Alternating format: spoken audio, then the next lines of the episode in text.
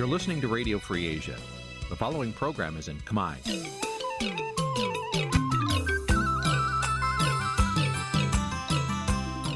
នេះជាកម្មវិធីផ្សាយ Vuthu Azizi Serai នេះជាកម្មវិធីផ្សាយរបស់ Vuthu Azizi Serai ជាភាសាខ្មែរ Vuthu Azizi Serai សូមស្វាគមន៍លោកអ្នកនាងទាំងអស់ពីរដ្ឋធានី Washington នៃសហរដ្ឋអាមេរិក ចាប់ផ្សាយផ្ទាល់ពីរដ្ឋធានី Washington នាងខ្ញុំសុកជីវីសូមជម្រាបសួរលោកអ្នកនាងកញ្ញាដែលកំពុងតាមដានការផ្សាយរបស់ Vuthu Azizi Serai ទាំងអស់ជាទីមេត្រីចា៎យើងខ្ញុំសូមជូនកម្មវិធីផ្សាយសម្រាប់យប់ថ្ងៃពុធ5រោចខែកដិកឆ្នាំឆ្លូវត្រីស័កពុទ្ធសករាជ2565ចាប់ត្រូវនៅថ្ងៃទី24ខែវិច្ឆិកាគ្រិស្តសករាជ2021ចាជាដំបូងនេះសូមអញ្ជើញលោកអ្នកនាងស្ដាប់ព័ត៌មានប្រចាំថ្ងៃដែលមានមេត្តាដូចតទៅ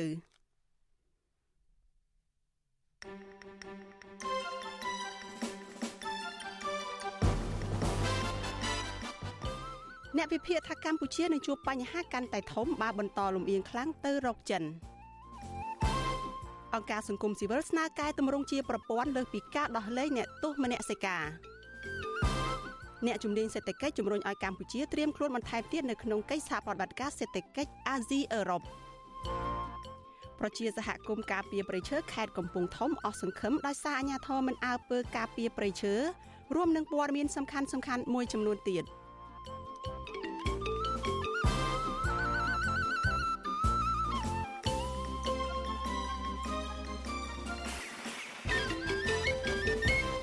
ចាស់ជាបន្តទៅទៀតនេះនាងខ្ញុំសុជីវីសូមជូនព័ត៌មានទីនេះពិស្ដាចាលោកនាងជាទីមិត្តរដ្ឋាភិបាលចិនកុម្មុយនីកំពុងព្យាយាមអំបិតសម្លេងសហគមន៍អន្តរជាតិមិនឲ្យនិយាយរិះគន់ពីទំនាក់ទំនងបែបលំអៀងខ្លាំងរបស់រដ្ឋាភិបាលលហ៊ុនសែនជាមួយនឹងកងទ័ពចិនចាអ្នកវិភាគនយោបាយថាទង្វើរបស់ចិនបែបនេះអាចនាំឲ្យសហគមន៍អន្តរជាតិមើលឃើញកាន់តែច្បាស់ពីទំនាក់ទំនងខុសធម្មតារវាងកម្ពុជានិងចិនចាសសូមស្ដាប់សេចក្តីរាយការណ៍របស់លោក យុនសាមៀនអំពីរឿងនេះដូចតទៅក្រុមអ្នកតាមដានស្ថានភាពនយោបាយលើកឡើងថាបដិបត្តិពេលនេះរដ្ឋាភិបាលកម្ពុជាមិនអាចបង្ហាញចំហលំអៀងខ្លាំងទៅរកប្រទេសចិនឡើយជាពិសេសនៅលើវិស័យយោធាបើពុំដូច្នោះទេកម្ពុជាអាចមានបញ្ហាកាន់តែធំ ជាមួយក្រុមប្រទេសលោកខាងលិច និងសូម្បីតែប្រទេសជាសមាជិកអាស៊ានដូចគ្នា អ្នកសិក្សាស្រាវជ្រាវនៃវិទ្យាស្ថានខ្មែរសម្រាប់សហប្រតិបត្តិការនិងសន្តិភាព CICP លោកវ៉ាន់បណ្ណាមានប្រសាសន៍ថាកម្ពុជាកំពុងដើរតួនាទីជាប្រធានបដូវវេនអាស៊ានដូច្នេះការលំអៀងខ្លាំងទៅរកប្រទេសចិននឹងធ្វើឲ្យប្រទេសមហាអំណាច និងសមាជិកអាស៊ានដទៃទៀតបាត់ទំនុកចិត្តលើកម្ពុជា ចំពោះការដោះស្រាយបញ្ហាតំបន់ដូចជាវិបត្តិសិទ្ធិមនុស្សនៅមីយ៉ាន់ម៉ាឬភូមា និងចំនួនសមុទ្រចិនខាងត្បូងជាដើមបើសិនជាយើងនិយាយពីមហាអំណាចខាងក្រៅទីដូចសហរដ្ឋអាមេរិកដូចសហភាពអឺរ៉ុបគេច្បាស់ហើយថាកម្ពុជាជាប្រទេសរណបរបស់ចិនមួយអញ្ចឹងចង់មិនចង់កម្ពុជាដូចខ្ញុំនិយាយម្ដងហើយម្ដងទៀតវាខាតប្រយោជន៍ខាតតាំងពីសេដ្ឋកិច្ចតាំងពីនយោបាយវាអាចមានចំណេញផលប្រយោជន៍នេះគឺចំណេញផលប្រយោជន៍តទៅលើមេដឹកនាំដែរប៉ុន្តែបើសិនជាផលប្រយោជន៍តទៅនឹងប្រជាជនទាំងមូលវាមិនបានជាដុំកំភួនអីប្រហែលទេបាទស្រដៀងគ្នានេះ អគ្គលេខាធិការសហព័ន្ធនិស្សិតបញ្ញវន្តកម្ពុជា លោកគៀនពន្លកថ្លែងថា របបក្រុងប៉េកាំងបានបញ្ជូនសារម្ដងហើយម្ដងទៀតទៅកាន់សហគមន៍អន្តរជាតិថា កម្ពុជាមានចិនជាខ្នងបង្អែកដើម្បីកុំឲ្យក្រមប្រទេសប្រជាធិបតេយ្យចូលពាក់ព័ន្ធនឹងបញ្ហាកម្ពុជា លោកយល់ថាការយកចិនជាខ្នងបង្អែកនឹងធ្វើឲ្យកម្ពុជាខាតបង់ប្រយោជន៍ទាំងផ្នែកសេដ្ឋកិច្ចនិងនយោបាយហើយមន្ត្រីរដ្ឋាភិបាល ក៏នឹងត្រូវរងទណ្ឌកម្មជាលក្ខណៈបុគ្គលជាបន្តបន្ទាប់ទៀតដែរពេលនេះគឺអ្វីដែលសំខាន់នៃប្រទេសចិនគឺការប្រជែងអធិបុលជាមួយនឹងប្រទេសមហាអំណាចលោកសេរីអញ្ចឹងហើយបើសិនបើយើងធ្លាក់ទៅក្នុងអន្លង់មួយនៃអធិបុលរបស់ប្រទេសចិននោះនឹងអាចទាញប្រទេសកម្ពុជាប្រឈមនឹងសង្គ្រាមរយៈថ្មីម្ដងទៀតហើយនឹងអាចទាញប្រទេសកម្ពុជាឲ្យធ្លាក់ទៅក្នុងភ្លើងសង្គ្រាមស៊ីវិលម្ដងទៀតបាទ ប្រតិកម្មរបស់ក្រុមអ្នកសង្កេតការណ៍ទាំងនេះកើតមានឡើងក្រោយពីទូតចិននៅភ្នំពេញបានហាមប្រទេសដទៃទៀតមិនឲ្យរិះគន់ពីទំនាក់ទំនងកម្ពុជាចិនលើវិស័យយោធាអគ្គរដ្ឋទូតចិនប្រចាំកម្ពុជា លោកវាងវិនធាន មានប្រសាសន៍កាលពីថ្ងៃទី23វិច្ឆិកាថាប្រទេសចិននិងកម្ពុជាជាពិសេសកងទ័ពប្រទេសទាំងពីរបានជួយគ្នាទៅវិញទៅមកចាប់តាំងពីការផ្ទុះរាតត្បាតជំងឺ Covid-19 លោកបញ្ជាក់ថាការជួយគ្នានេះមិនត្រឹមតែបង្កើតបានជាគំរូនៃកិច្ចសហប្រតិបត្តិការកិច្ចការយោធាអន្តរជាតិប៉ុណ្ណោះទេប៉ុន្តែក៏ជាការចូលរួមចំណែកយ៉ាងសកម្មក្នុងការកសាងសហគមន៍វាសនារួមរវាងចិននិងកម្ពុជាផងដែរលោកវាងវិនធានថ្លែងទៀតថាកិច្ចសហប្រតិបត្តិការដែលផ្ដល់ប្រយោជន៍ឲ្យគ្នាទៅវិញទៅមក រវាងចិននិងកម្ពុជានេះមិនអនុញ្ញាតឲ្យប្រទេសដទៃនិយាយបង្ខូចផ្ដេសផ្ដាស់ឡើយ ឯអគ្គរដ្ឋទូតចិនរូបនេះសង្កត់ធ្ងន់ថាភាគីចិនប្រឆាំងដាច់ខាតចំពោះការប្រើអំណាច ដែលយកសេរីភាពសិទ្ធិមនុស្សនិងប្រជាធិបតេយ្យធ្វើជាលេសដើម្បីជ្រៀតជ្រែកកិច្ចការផ្ទៃក្នុងប្រទេសដទៃទៀតលោកវាងវិនធានបញ្ចេញសារបែបនេះក្រោយពីសហរដ្ឋអាមេរិកទើបតែបានដាក់ទណ្ឌកម្មមន្ត្រីផ្កាយ4ពីររូបនៃរដ្ឋាភិបាលលោកហ៊ុនសែនរួមមានលោកចៅភិរុនអគ្គនាយកសម្ភារៈបច្ចេកទេសនៃក្រសួងការពារជាតិនិងលោកទាវិញ មេបញ្ជាការកងទ័ពជើងទឹកពាក់ព័ន្ធនឹងអំពើពុករលួយក្នុងគម្រោងអភិវឌ្ឍមូលដ្ឋានទ័ពជើងទឹករៀមទីដែលមានការសង្ស័យអំពីវត្តមានកងទ័ពចិននៅកម្ពុជាទន្ទឹមនឹងការលើកឡើងរបស់អគ្គរដ្ឋទូតចិននោះដែរលោកទាបាញ់រដ្ឋមន្ត្រីក្រសួងការពារជាតិបានបង្ហោះសារលើ Facebook ថាកងទ័ពកម្ពុជានិងចិនមានទំនាក់ទំនងមិត្តភាពជាប្រពៃណីនិងភាពជាដៃគូយុទ្ធសាស្ត្រគ្រប់ជ្រុងជ្រោយក្នុងការពង្រឹងកិច្ចសហប្រតិបត្តិការលើគ្រប់វិស័យ ទាំងវិស័យវឹកវើបណ្ដុះបណ្ដាលនិងទំនាក់ទំនងយោធាលោកនាយករដ្ឋមន្ត្រីហ៊ុនសែនក៏បានថ្លែងនៅថ្ងៃនោះដែរថាចិនជាបង្អែកដ៏រឹងមាំសម្រាប់កម្ពុជា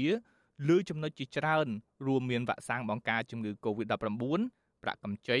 និងការស្ថាបនាហេដ្ឋារចនាសម្ព័ន្ធជាដើមទោះបីជាយ៉ាងណាអ្នកវិភាគនយោបាយដែលកំពុងភៀសខ្លួននៅប្រទេសហ្វាំងឡង់លោកកឹមសុខថ្លែងថា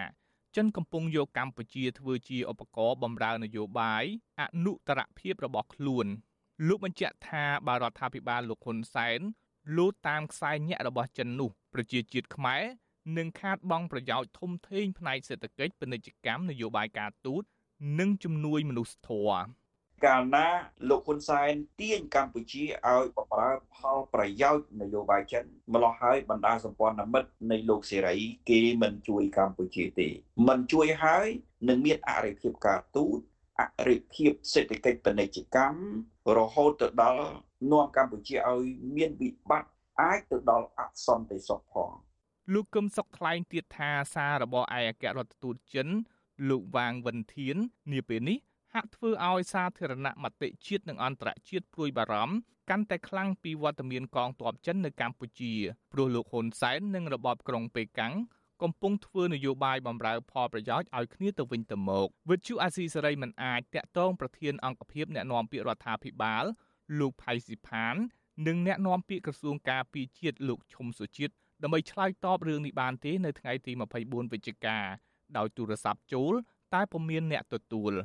រដ្ឋាភិបាលលោកហ៊ុនសែនរងការចោទប្រកាន់ថាបានលួចចុះកិច្ចព្រមព្រៀងសម្ងាត់ជាមួយប្រទេសចិនកុម្មុយនីសដើម្បីអនុញ្ញាតឲ្យកងទ័ពចិនបោះទីតាំងឈរជើងនៅលើទឹកដីខ្មែរសារព័ត៌មានល្បីរបស់សហរដ្ឋអាមេរិក The Wall Street Journal បានរាយការណ៍កាលពីខែកក្កដាឆ្នាំ2019ថាកិច្ចព្រមព្រៀងសម្ងាត់នោះបានអនុញ្ញាតឲ្យកងទ័ពចិនគ្រប់គ្រងកំពង់ផែកងទ័ពផ្ដាច់មុខរហូតដល់30ឆ្នាំហើយកិច្ចព្រមព្រៀងនេះ អាចបន្តបានរៀងរាល់10ឆ្នាំម្ដងទោះបីជារដ្ឋាភិបាលកម្ពុជានិងចិនបានចេញមុខបដិសេធព័ត៌មាននេះជាហោហាយក្តីក៏របាយការណ៍ចុងក្រោយបង្ហាញថាមានការសាងសង់អគារនិងហេដ្ឋារចនាសម្ព័ន្ធជាច្រើននៅទីនោះក្រោមគម្រោងជំនួយរបស់ចិន សហរដ្ឋអាមេរិកបានសម្ដែងក្តីបារម្ភនិងដាស់តឿនរដ្ឋាភិបាលលោកហ៊ុនសែនម្ដងហើយម្ដងទៀតថាវត្តមានកងទ័ពចិននៅមូលដ្ឋានទ័ពជើងទឹករៀម និងប្រឆាំងរដ្ឋធម្មនុញ្ញរបស់កម្ពុជាព្រមទាំងធ្វើឲ្យប៉ះពាល់ដល់សន្តិសុខតំបន់ទាំងមូលខ្ញុំយុនសាមៀនវិទ្យុអាស៊ីសេរីប្រធានាធិបតី Washington ចាលោកនាងកញ្ញាជាទីមេត្រីចាងាកមកព័ត៌មានតកតងទៅនឹងទំនាក់ទំនងរវាងកម្ពុជាវៀតណាមឯនេះវិញ។ ចាអ្នកវិភាគយល់ថាជំនួបមន្ត្រីទូតវៀតណាមជាថ្មីជាមួយនឹងនាយករដ្ឋមន្ត្រីគឺលោកហ៊ុនសែននោះគឺជាការរំលឹកឡើងវិញពីកាតព្វកិច្ចរបស់កម្ពុជាចំពោះផលប្រយោជន៍វៀតណាមការលើកឡើងបែបនេះក្រោយពេលដែលឯកអគ្គរដ្ឋទូតថ្មីរបស់ប្រទេសវៀតណាមគឺលោកងវៀនហ៊ុយតាំងបានចូលជួបជាមួយលោកហ៊ុនសែននៅឯវិមានសន្តិភាពនៅព្រឹកថ្ងៃទី24ខែវិច្ឆិកានេះ ឯកអគ្គរដ្ឋទូតរូបនេះបានថ្លែងអំណរគុណដល់រដ្ឋាភិបាលកម្ពុជា ដែលបានជួយផ្ដល់បរិក្ខារពេទ្យនិងវ៉ាក់សាំងប្រឆាំងជំងឺ Covid-19 ដល់វៀតណាមជាការឆ្លើយតបលោកហ៊ុនសែនមានប្រសាសន៍ថាពាណិជ្ជកម្មកម្ពុជានិងវៀតណាមគឺបំពេញឲ្យគ្នាទៅវិញទៅមកលោកបានលើកទឹកចិត្តឲ្យឯកអគ្គរដ្ឋទូតថ្មីផ្ដោតការយកចិត្តទុកដាក់ពង្រីកពាណិជ្ជកម្មជាមួយគ្នាលើសពីនេះលោកហ៊ុនសែនក៏ចង់ឲ្យមានកិច្ចព្រមព្រៀងរវាងប្រទេសទាំងពីរនៅលើវិស័យកសិកម្មដូចជាការធ្វើកសិកម្មតាមព្រំដែន ការផ្គត់ផ្គង់វត្ថុធាតុដើមពូជដំណាំ និងការប្រើប្រាស់ទឹកតាមព្រំដែនជាដើមព្រមទាំងបើកការហោះហើរត្រង់ទៅវិញរវាងប្រទេសទាំងពីរ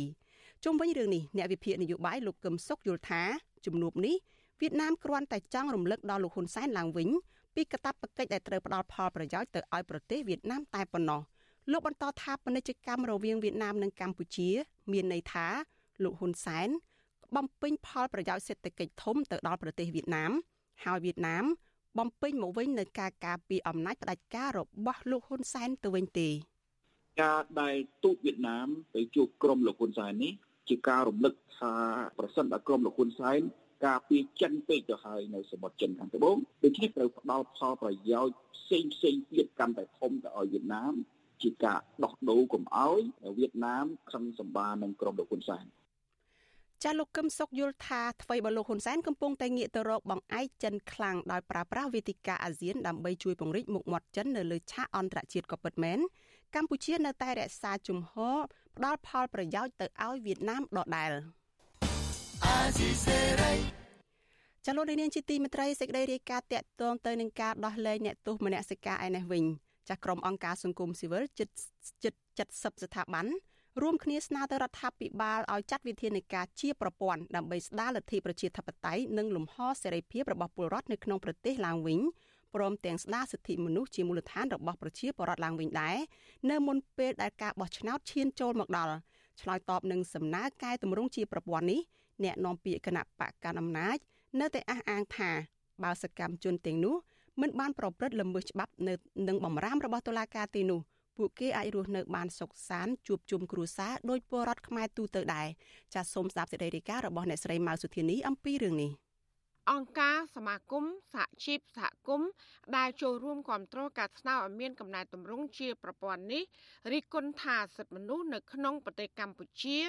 នៅតែបន្តស្ថិតក្រោមការគម្រាមកំហែងឥតឈប់ឈរពីប្រព័ន្ធតុលាការ ដែលលំអៀងផ្នែកនយោបាយនិងច្បាប់ដែលមានលក្ខណៈគៀបសង្កត់ សេចក្តីថ្លែងការណ៍ចុះថ្ងៃទី24ខែវិច្ឆិកាដែលមានក្រុមអង្គការសង្គមស៊ីវិលចំនួន66ស្ថាប័នបានលើកឡើងថាក្រុមសកម្មជនដែលត្រូវបានអាជ្ញាធរដោះលែងឲ្យនៅក្រៅឃុំបណ្ដោះអាសន្នឬត្រូវបានតុលាការព្យួរទោសសាកល្បង រយៈពេលពី2ឬ3ឆ្នាំมันអាចបំពេញការងារក្នុងកិច្ចការពារសិទ្ធិមនុស្ស បរិស្ថាន ការនិយាយអំពីភាពអយុត្តិធម៌ក្នុងសង្គមឬក៏ចូលរួមក្នុងសកម្មភាពនយោបាយដោយគ្មានការភ័យខ្លាច និងការចាប់ខ្លួនបាននោះឡើយពួកគេលើកឡើងទៀតថាការដោះលែងទាំងនេះมันអាចជំនួសកំណែតម្រង់ជាមូលដ្ឋានទៅលើច្បាប់ និងស្ថាប័ននានានៅក្នុងប្រទេសកម្ពុជានោះទេ ប្រជាប្រដ្ឋកម្ពុជានៅតែបន្តប្រឈមនឹងការរដ្ឋបិទជាបន្តបន្ទាប់ទៅលើសិទ្ធិសេរីភាពក្នុងការចូលរួមដោយសេរី ក្នុងជីវិតនយោបាយនិងការជ្រើសរើសអ្នកដឹកនាំរបស់ពួកគេនាយករងទទួលបន្ទុកផ្នែកខ្លំមើលសិទ្ធិមនុស្សនៃអង្គការលីកាដូលោកអំសំអាត ប្រាប់វិទ្យុអសីស្រីឲ្យដឹងថាគោលបំណងនៃសេចក្តីថ្លែងការណ៍នេះគឺធ្វើឡើងដើម្បីឲ្យរដ្ឋាភិបាលពិចារណាឡើងវិញពីសិទ្ធិរបស់ប្រជាពលរដ្ឋ លោកបន្តទៀតថាចំណុចសំខាន់មួយទៀតគឺស្នើឲ្យតុលាការឬអាជ្ញាធរពិនិត្យឡើងវិញ នៅការភ្ជាប់លក្ខខណ្ឌតឹងរឹងលើសកម្មជនសិទ្ធិមនុស្សបរិស្ថាន និងសកម្មជននយោបាយទាំង27នាក់ដែលទើបត្រូវបានអាជ្ញាធរដោះលែងកាលពីពេលថ្មីថ្មីនេះមន្ត្រីសង្គមស៊ីវិលរូបនេះចង់ឃើញរដ្ឋាភិបាលកែតម្រង់ឡើងវិញ នៅច្បាប់មួយចំនួនដែលមានលក្ខណៈរដ្ឋបិទសិទ្ធិភាព ជាមូលដ្ឋានរបស់ប្រជាពលរដ្ឋ បានន័យថាស្ថាប័នពាក់ព័ន្ធហ្នឹងធ្វើការកំណែតម្រង់ច្បាប់ប្រព័ន្ធយុទ្ធធរជាភាសាប្រព័ន្ធតុលាការទៅតាមអនុសាសន៍ជាហោហែរបស់ក្រមប្រឹក្សាសិទ្ធិមនុស្សក៏ដូចជាអ្នកជំនាញសិទ្ធិមនុស្សរបស់អង្គការសហជីវជាតិដែរគេសូមឲ្យធ្វើការកំណែតម្រង់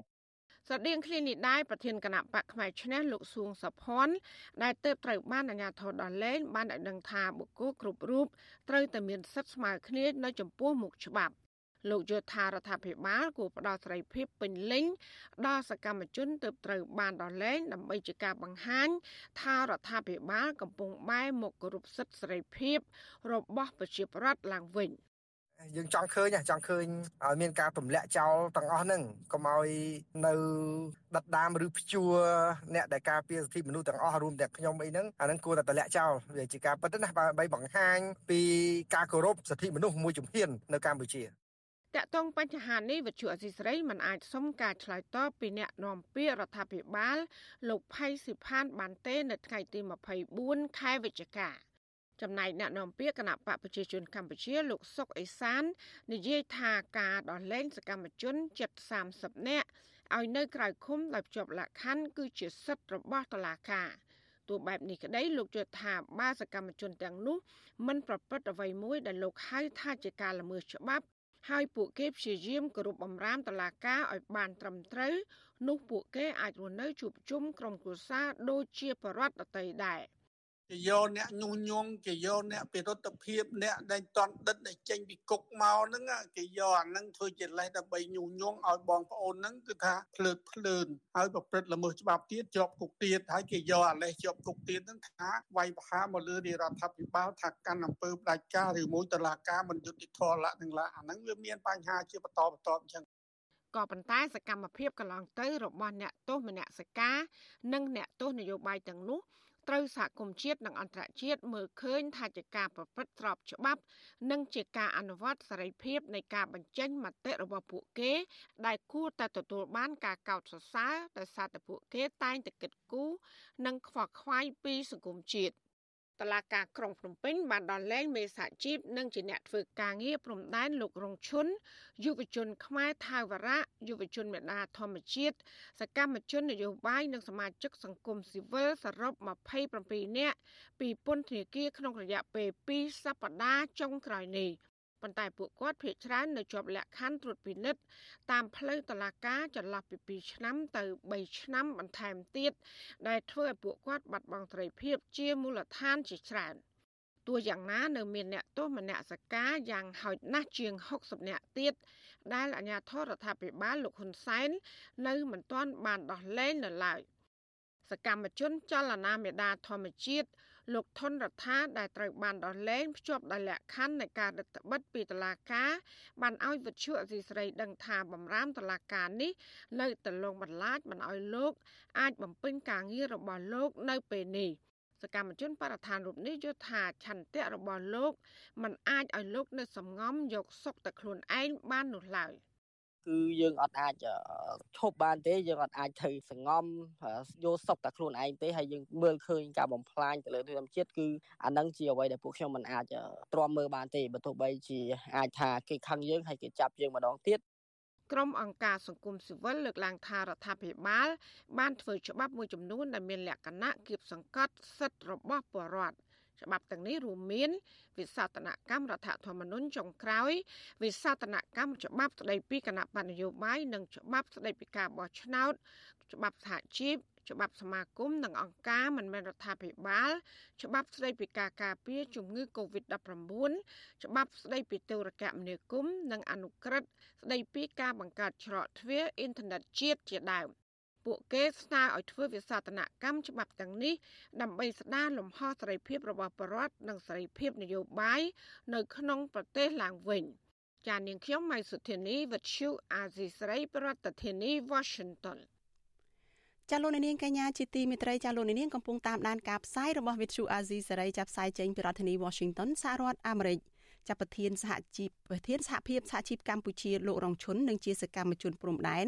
នៅតែក្លាហាននៅក្នុងបេសកកម្មលើកស្ទួយសិទ្ធិមនុស្សនិងកិច្ចការព្រំដែនដដែលបើទោះបីជាលោកធ្លាប់ជាប់ពន្ធនាគារដោយសារបញ្ហានេះក៏ដោយលោករងឈុនអំពាវនាវឲ្យពលរដ្ឋកុំតក់ស្លុតនិងភ័យខ្លាចពន្ធនាគារឲ្យសោះព្រោះលោកថាពន្ធនាគារគ្រាន់តែជាទីងងបន្លាចគេឯងប៉ុណ្ណោះ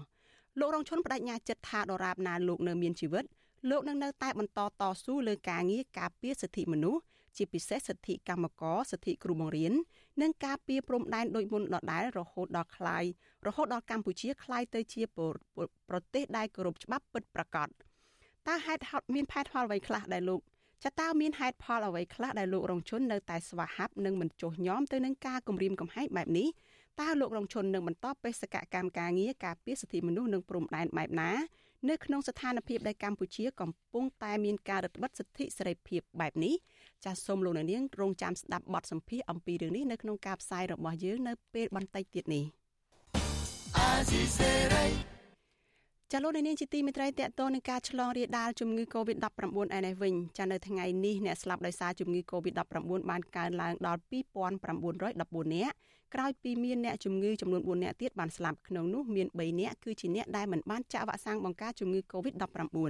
ចាចំណែកករណីឆ្លងថ្មីវិញក្រសួងសុខាភិបាលប្រកាសថាមានចំនួន34នាក់34នាក់ដែលជាលទ្ធផលបញ្ជាក់ដោយម៉ាស៊ីនពិសោធន៍ PCR ចាគិតត្រឹមព្រឹកថ្ងៃទី24ខែវិច្ឆិកាកម្ពុជាមានអ្នកកើតជំងឺ Covid-19 ជិត120,000នាក់ក្នុងនោះមានអ្នកជាសះស្បើយជាង116,000នាក់ ចំពោះការចាក់វ៉ាក់សាំងបង្ការជំងឺ Covid-19 វិញក្រសួងប្រកាសថារដ្ឋាភិបាលចាក់ជូនពលរដ្ឋជិតសម្រេចបានផែនការ100%ហើយនៅក្នុងចំណោមអ្នកដែលត្រូវចាក់សរុបជាង14លាននាក់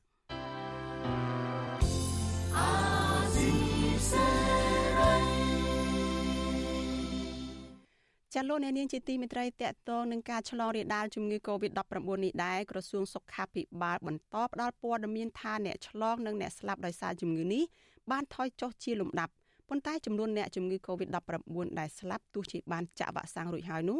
ក៏នៅតែមានចំនួនខ្ពស់គួរឲ្យកត់សម្គាល់ចានៅក្នុងពេលជាមួយគ្នានេះអត្រាឆ្លងជំងឺនេះនៅលើពិភពលោកក៏ចាប់ផ្ដើមកើនឡើងទ្វេដងនៅក្នុងខែនេះរហូតដល់ធ្វើឲ្យប្រទេសជាច្រើនចាប់ផ្ដើមបិទគប់ប្រទេសឡើងវិញនិងកំណត់លក្ខខណ្ឌថ្មីជាច្រើនដើម្បីទប់ស្កាត់ការឆ្លងរាលដាលជំងឺនេះកាន់តែខ្លាំងថែមទៀតនោះ។ ចាសសូមលោកដានៀងរងចាំទស្សនាសេចក្តីរាយការណ៍ផ្ទាល់របស់លោកមួងណារ៉េតជុំវិញរឿងនេះនៅក្នុងការផ្សាយរបស់យើងនៅយប់នេះនៅពេលបន្តិចទៀតនេះចាលោកនាងជាទីមេត្រីសេចក្តីរាយការណ៍ពីខេត្តកំពតឯណោះឲ្យដឹងថាប្រជាពលរដ្ឋប្រមាណ700នាក់មកពីសហគមន៍មានចំនួនដីធ្លីចំនួន7សហគមន៍ បានប្រមូលផ្ដុំគ្នានៅខាងមុខសាលាខេត្តកោះកុងនៅថ្ងៃទី24ខែវិច្ឆិកានេះចាដើម្បីស្នើសុំឲ្យអាជ្ញាធរពន្យាដំណោះស្រាយវិវាទដីធ្លីជូនពួកគាត់ចាក្រុមតំណាងពលរដ្ឋហាក់មានក្តីសង្ឃឹមតិចតួចក្រោយពីពួកគាត់ចូលជួបពិភាក្សាជាមួយនឹងអភិបាលខេត្តដែលបានសន្យាថាពិនិត្យថានឹងពិនិត្យសំណើរបស់ពលរដ្ឋដើម្បីបញ្ជូនទៅថ្នាក់ជាតិពិនិត្យនិងសម្រេចចលនាទីនសការីយ៉ាមានសេចក្តីរាយការណ៍អំពីរឿងនេះ ក្រុមបរដ្ឋដែលមានចំនួនដីធ្លីជាមួយក្រុមហ៊ុន3ផ្សេងគ្នាគឺក្រុមហ៊ុន Union Development Group ក្រុមហ៊ុនស្កអំពើរបស់លោកអង្គញាលីយ៉ុងផាត់និងក្រុមហ៊ុនហេងអភិវឌ្ឍរបស់អង្គញាហេងហ៊ុយក្នុងខេត្តកោះកុងប្រមូលផ្ដុំគ្នាលើកបដារូបថតលោកនាយរដ្ឋមន្ត្រីហ៊ុនសែននិងភរិយានៅខាងមុខសាលាខេត្តកោះកុងពួកគេទាមទារឲ្យអាជ្ញាធរចុះដោះស្រាយបញ្ចប់វិបត្តិដីធ្លីរ៉ាំរ៉ៃដែលអស់បន្លាយពេលជាច្រើនឆ្នាំមកនេះត្រឹមដើមឆ្នាំ2022ខាងមុខពលរដ្ឋលើកឡើងថាការជួបជុំគ្នានេះគឺដើម្បីតាមដានញត្តិ ដែលពួកគេបានដាក់ជូនសាលាខេត្តកោះកុងកាលពីពេលកន្លងមកស្នើសុំអន្តរាគមន៍ដោះស្រាយបញ្ហាដីធ្លីជាមួយភាគីក្រុមហ៊ុនដែលពួកគាត់មិនទាន់ទទួលបានដំណោះស្រាយនៅឡើយចំណែកអាជ្ញាធរបានដាក់ពង្រាយកងកម្លាំងសមត្ថកិច្ចរាប់រយនាក់និងដាក់របាំងដែកបាត់ផ្លូវជំវិញសាលាខេត្តក្នុងពេលបរដ្ឋជុំជុំគ្នានោះគឺមិនមានការប៉ះទង្គិចគ្នាជាមួយសមត្ថកិច្ចនិងក្រុមបរដ្ឋបង្កជាអំពើហិង្សានោះទេតំណាងបរដ្ឋមានចំនួនដីធ្លី45គ្រួសារជាមួយក្រុមហ៊ុនចិន Union Development Group នៅឃុំតានួនស្រុកបតុមសាគរលោកសំធីថ្លែងថាពលរដ្ឋបានស្វែងរកដំណោះស្រាយជាច្រើនដងមកហើយពីអាជ្ញាធរនិងក្រសួងដែនដីប៉ុន្តែមកទល់ពេលនេះពួកគាត់គ្មានទទួលបានដំណោះស្រាយណាមួយនោះទេលោកបន្តថាការផ្ដល់គោលនយោបាយដីធ្លីជូនពលរដ្ឋកន្លងមកនោះគឺមិនមានដំណាភាពនិងយុត្តិធម៌ចំពោះអ្នកដែលមានទំហំដីច្រើនហិកតានោះទេលោកស្នើឲ្យអាជ្ញាធរចុះពិនិត្យដីធ្លីរបស់ប្រជាពលរដ្ឋដល់កន្លែងដីដែលមានដំណោះជាក់ស្ដែងនិងផ្ដល់សំណងសមរម្យ បើគាត់ធ្វើជាអភិបាលខេត្តហើយដោះស្រាយរឿងនឹងមិនចេញទេដោយពាក្យសម្ដេចគាត់និយាយអញ្ចឹងអានឹងដោះក្រៅប្រព័ន្ធតុលាការសូមយកពាក្យសម្ដេចមកប្រើផងចុងក្រោយខ្ញុំសំណូមពរសូមសម្ដេចជួយមើលអភិបាលខេត្តកោះកុងផងឲ្យគាត់ដោះស្រាយសូមដោយអភិបាលខេត្តកំពតដែលគាត់កំពុងដោះស្រាយកន្លងមកនេះធ្វើភាពយុត្តិធម៌លើកកលែងពីខេត្តយកទៅឃុំពុំបីរកដំណោះស្រាយទន្ទឹមគ្នានឹងតំណាងសហគមន៍ម្នាក់ទៀត ដែលមានចំនួនដីធ្លីជាមួយក្រុមហ៊ុនស្កអំពៅរបស់លោកអង្គញាលីយ៉ុងផាត់វិញនៅក្នុងស្រុកបទុមសាគរលោកឈឹមសុផានឲ្យដឹងថារយៈពេល4ឆ្នាំចុងក្រោយនេះទាំងអាជ្ញាធរនិងក្រសួងដែនដីតែងតែចេញលិខិតបដិសេធមិនដោះស្រាយចំនួនដីធ្លីជូនប្រជាពលរដ្ឋចំនួន853គ្រួសារនោះទេលោកបន្តថាការនាំគ្នាមកសាលាខេត្តលើកនេះគឺដើម្បីបញ្ជាក់ប្រាប់អភិបាលខេត្តកោះកុងថាពួកគាត់ពិតជាអាស្រ័យផលលើដីដែលមានដំណោះនោះពិតប្រាកដមែន ចាប់តាំងពីឆ្នាំ1979មកលោកស្នើសុំឲ្យអាជ្ញាធរកាត់ជ្រៀលដីធ្លីពីក្រុមហ៊ុនប្រគល់ឲ្យបរដ្ឋវិញក្នុងមួយគ្រួសារទទួលបានដី2ហិកតារួមនឹងប្រាក់សំណង5000ដុល្លារដើម្បីបញ្ចប់ចំនួនដីធ្លីជាង15ឆ្នាំមកនេះ យើងយកញត្តិមកច្រានចោលសេចក្តីសម្រេចសចនរបស់សាលាខេត្តកោះកុងថាអត់ដោះដីជូនអញ្ចឹងលទ្ធផលនៃការជជែកជាមួយបានជួបលោកជំទាវផ្ទាល់និងលោកសុកសុកសុធីបានជជែកគ្នាយ៉ាងផលផុសអាចទទួលយកបានអញ្ចឹងសំណុំពររបស់ខ្ញុំដែលចង់បានទី1ឈប់ឲ្យគាត់ច្រានចោលហើយគាត់នឹងពំនាំពាក្យសម្ដីដែលខ្ញុំនឹងសំណុំពរទៅគាត់ឲ្យពន្លឿនការដោះស្រាយដីធ្លីជូនពួកខ្ញុំហើយនឹងចោះដល់ទីតាំងមានបញ្ហាហើយទំនាស់ជាមួយក្រុមហ៊ុនកោះកុងស៊ូងកើនិងកោះកុង Plantation របស់លោកអុកញ៉ាលីយំហាត់ចំណែកឯតំណាងសហគមន៍ដីធ្លីក្រុមហ៊ុន175គ្រួសារនៅស្រុកស្រែអំបិលលោកស្រីផៅយើងស្នើឲ្យអភិបាលខេត្តពន្លឿនការដោះស្រាយនិងបញ្ឈប់ការកោះហៅបរដ្ឋចូលបំភ្លឺនៅតុលាការដោយចោទថាពីបទញុះញង់និងបរិហាកេតទៅទៀតអ្នកស្រីអះអាងថារឿងរ៉ាវទាំងនេះគឺផ្ដើមចេញពីចំនួនដីធ្លីរ៉ាំរ៉ៃលោកស្រីស្នើសុំឲ្យមានដំណោះស្រាយបញ្ចប់បញ្ហាចំនួនដីធ្លីនៅឲ្យបានឆាប់ និងទម្លាក់ចោលការចោទប្រកាន់មកលើតំណាងបរដ្ឋ ខ្ញុំយល់ឃើញថាមានតែមួយគត់គឺលោកជំទាវត្រូវតែបញ្ញាបញ្ញាឬក៏ខិតខំប្រឹងប្រែងឲ្យបានលឿនបំផុតក្នុងការធ្វើការដើម្បីដោះស្រាយបញ្ហាដំណោះដីនេះដើម្បីបញ្ចប់ពីបញ្ហាការជៀសវាងចោទប្រកាន់ព្រោះបើពួកគាត់អត់បាត់បង់ដីមិនពួកគាត់អីមកទេដោយសារតែពួកយើងអ្នកខ្លះគាត់អត់ដីមែនអត់មានអីនៅទេតែអ្នកខ្លះបានដីហើយបាត់បង់ទៅទៀតចាអញ្ចឹងអ្វីដែលយើងចង់បានគឺចង់ឃើញលោកជំទាវកំសន្យាខ្យល់សូមឲ្យលោកជំទាវមេត្តាយកចិត្តទុកដាក់ក្នុងការស្រាវជ្រាវនិងដោះស្រាយបញ្ហាដំណោះដីនេះដើម្បីបញ្ចប់អំពីបញ្ហាឡើងតុលាការនឹងតទៅទៀតវិទ្យុអាស៊ីសេរីមិនអាចសុំការឆ្លើយតបពីរឿងនេះអ្នកស្រីមិថុនាភូថងនិងរដ្ឋលេខាធិការទទួលបន្ទុកការដោះស្រាយវិវាទដីធ្លីនៃក្រសួងដែនដីលោកទេពថនបានទេនៅថ្ងៃទី24វិច្ឆិកាទោះបីជាយ៉ាងណាក៏ដោយក្រុមតំណាងបរដ្ឋឲ្យដឹងថាអភិបាលខេត្តកោះកុងអ្នកស្រីមិថុនាភូថងសុំពេលពិនិត្យមើលវិវាទដីធ្លីរបស់ពួកគាត់ហើយនឹងបញ្ជូនបន្តទៅក្រសួងដែនដីនគររូបនីយកម្មនិងសំណង់ ធ្វើការសម្រេចពលរដ្ឋថាពួកគាត់មានក្តីសង្ឃឹមតិចតួចក្រោយពីអភិបាលខេត្តរូបនេះបញ្ជាក់ថាខាងថ្នាក់ជាតិគឺជាអ្នកដោះស្រាយសម្រេចជូនប្រជាពលរដ្ឋចំណែកឯខាងថ្នាក់ខេត្តគឺជាអ្នកអនុវត្តទៅតាមការសម្រេចនោះតកតងនឹងបញ្ហានេះអ្នកសម្របសម្រួលនៃអង្គការការពារសិទ្ធិមនុស្សលីកាដូប្រចាំខេត្តកោះកុងលោកហ៊ូអ៊ីនមានប្រសាសន៍ថាវិវាទដីធ្លីនៅក្នុងសហគមន៍ទាំងនោះគឺអស់បន្លាយពេលជាច្រើនឆ្នាំមកហើយហើយពលរដ្ឋក៏តែងតែចេញស្វែងរកដំណោះស្រាយជាច្រើនលើកច្រើនសារ ពីអាជ្ញាធរនិងក្រសួងពាក់ព័ន្ធដើម្បីសម្របសម្រួលដោះស្រាយបញ្ចប់ចំនួននេះលោកសង្ឃឹមថាតាមរយៈការជួបមុខគ្នារវាងក្រុមតំណាងសហគមន៍ដីធ្លីនិងអភិបាលខេត្តកោះកុងនៅពេលនេះនឹងអាចមានដំណោះស្រាយសមរម្យណាមួយជូនប្រជាពលរដ្ឋដែលអាចទទួលយកបាននៅពេលខាងមុខជាពលរដ្ឋដែលនៅមុខសាលាខេត្តហ្នឹងអញ្ចឹងអាជ្ញាធរខេត្តគួរតែពន្លឿន ក្នុងការដោះស្រាយណាបង្ហាញយ៉ាងណាឲ្យប្រជាពលរដ្ឋមានការជឿទុកចិត្តដើម្បីកុំឲ្យមានការប្រមូលផ្ដុំគ្នាតវ៉ាមកទៀតព្រោះថាអាជ្ញាធរតែងតែមិនចង់ឲ្យមានការតវ៉ាណាអញ្ចឹងដើម្បីកុំឲ្យប្រជាពលរដ្ឋមានការតវ៉ាគឺអាជ្ញាធរត្រូវបង្ហាញពីវិធានការនៃការដោះស្រាយក៏ដូចជាបង្ហាញពាក្យស្មោះត្រង់ដើម្បីឲ្យប្រជាពលរដ្ឋមានការជឿទុកចិត្តក្រមប្រជាពលរដ្ឋមានចំនួនដីធ្លីប្រកាន់ចំហថាបើសិនជាពុំមានដំណោះស្រាយណាមួយដែលអាចទទួលយកបានទេក្នុងរយៈពេល1ខែទៀតនោះ ពួកគាត់នឹងនាំគ្នាទៅរកដំណោះស្រាយពីខុទ្ទកាល័យលោកនាយករដ្ឋមន្ត្រីហ៊ុនសែននិងក្រសួងដែនដីនៅរាជធានីភ្នំពេញបន្តទៀតខ្ញុំធីនសាការីយ៉ាអសិសរីប្រធានីវ៉ាស៊ីនតោនចាលោកនាងកញ្ញាជាទីមេត្រីចាលោកនាងកំពុងតាមដានការផ្សាយរបស់ Vithu Azizi សេរីចាប់ផ្សាយចេញពីរដ្ឋធានី Washington សហរដ្ឋអាមេរិកចាប់ប្រធានសហភាពសហជីពកម្ពុជាលោករងឈុននិងជាសកម្មជនព្រំដែននៅតែក្លាហាននៅក្នុងបេសកកម្មលើកស្ទួយសិទ្ធិមនុស្សនិងកិច្ចការព្រំដែនដដែល ចាទោះបីជាលោកធ្លាប់ជួបពន្ធជាប់ពន្ធនាគារដោយសារតែការងារទាំងនោះក្តីលោករងឈុនអំពាវនាវឲ្យពលរដ្ឋកុំតក់ស្លុតនិងភ័យខ្លាចពន្ធនាគារឲ្យសោះព្រោះលោកថាពន្ធនាគារគ្រាន់តែជាទីងមងបន្លាចគេឯងតែប៉ុណ្ណោះលោករងឈុនបដិញ្ញាចិត្តថាដរាបណាលោកនៅមានជីវិតលោកនៅនៅតែបន្តតស៊ូលើការងារការពារសិទ្ធិមនុស្សជាពិសេសសិទ្ធិកម្មករសិទ្ធិគ្រូបង្រៀននិងការពារព្រំដែនដូចមុនដដែលរហូតដល់កម្ពុជាក្លាយទៅជាប្រទេសដែលគោរពច្បាប់ពិតប្រាកដ តើមានហេតុផលអ្វីខ្លះដែលលោករងជននៅតែស្វាហាប់និងមិនចុះញោមទៅនឹងការគម្រាមកំហែងបែបនេះចតើលោករងជននឹងបន្តបេសកកម្មការងារការពារសិទ្ធិមនុស្សនិងព្រំដែនបែបណានៅក្នុងស្ថានភាពដែលកម្ពុជាកំពុងតែរឹតបន្តឹងសិទ្ធិសេរីភាពបែបនេះចាសសូមលោកនាងកុំភ្លេចរងចាំតាមដានបទសម្ភាសជាមួយលោករងជននេះនៅក្នុងការផ្សាយរបស់យើងនៅពេលបន្តិចទៀតនេះ ចលនានាងជាទីមិត្តរីរឿងដាច់ដោយឡែកមួយទៀតចាស់សមាជិកគណៈអចិន្ត្រៃយ៍នៃគណៈបកប្រជាជនកម្ពុជាគឺលោកជាមយៀបនឹងត្រូវឡើងកាន់តំណែងជាអនុប្រធានទី1រដ្ឋសភា នៅថ្ងៃទី25ខែវិច្ឆិកាស្អែកនេះចាស់ជំនួសឲ្យសពរបស់លោកងួនញិលចាស់តំណាងរាជគណៈបកប្រជាយល់ថាលោកជាមយៀបនឹងមិនអាចជួយរដ្ឋសភាមានសភាពល្អប្រសើរជាងបច្ចុប្បន្ននេះទេខណៈដែលលោកជាមយៀបធ្លាប់មានរឿងរ៉ាវអាស្រូវលេចធ្លោខាងកឹបកេងលុយរដ្ឋសភា និងបញ្ជាឲ្យតៃកងឡានបើករត់ក្រោយពេលដែលបង្កគ្រោះថ្នាក់ចរាចរណ៍ដែលបណ្ដាលឲ្យមនុស្សស្លាប់នោះចាលោកអ្នកនាងក៏នឹងបានស្ដាប់សេចក្តីរាយការណ៍នេះពិស្ដានៅក្នុងការផ្សាយរបស់យើងនៅពេលបន្តិចទៀតនេះចាលោកអ្នកនាងជាទីមេត្រីតកតងនឹងពាណិជ្ជកម្មកម្ពុជាអាស៊ីអឺរ៉ុបឯនេះវិញចាអ្នកអ្នកវិភាគសេដ្ឋកិច្ចជំរុញរដ្ឋាភិបាលកម្ពុជាត្រៀមខ្លួនបន្ថែមទៀតនៅក្នុងកិច្ចសហប្រតិបត្តិការសេដ្ឋកិច្ចអាស៊ីអឺរ៉ុប ចាកម្ពុជាដែលទទួលធ្វើជាម្ចាស់ផ្ទះនៃកិច្ចប្រជុំកំពូលអាស៊ីអឺរ៉ុបលើកទី13បានរៀបចំវេទិកាសេដ្ឋកិច្ចនិងធុរកិច្ចអាស៊ីអឺរ៉ុបលើកដំបូងនៅព្រឹកថ្ងៃទី24ខែវិច្ឆិកាតាមប្រព័ន្ធវីដេអូ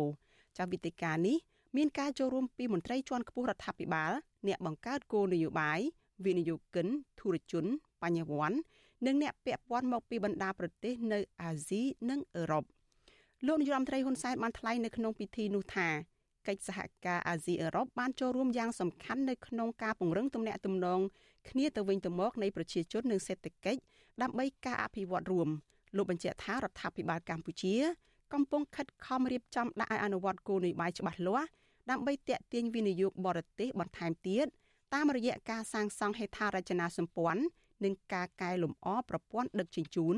លើកកម្ពស់សម្រួលពាណិជ្ជកម្មការអភិវឌ្ឍធនធានមនុស្សរៀបចំបច្ចេកវិទ្យា ព័ត៌មាននិង Digital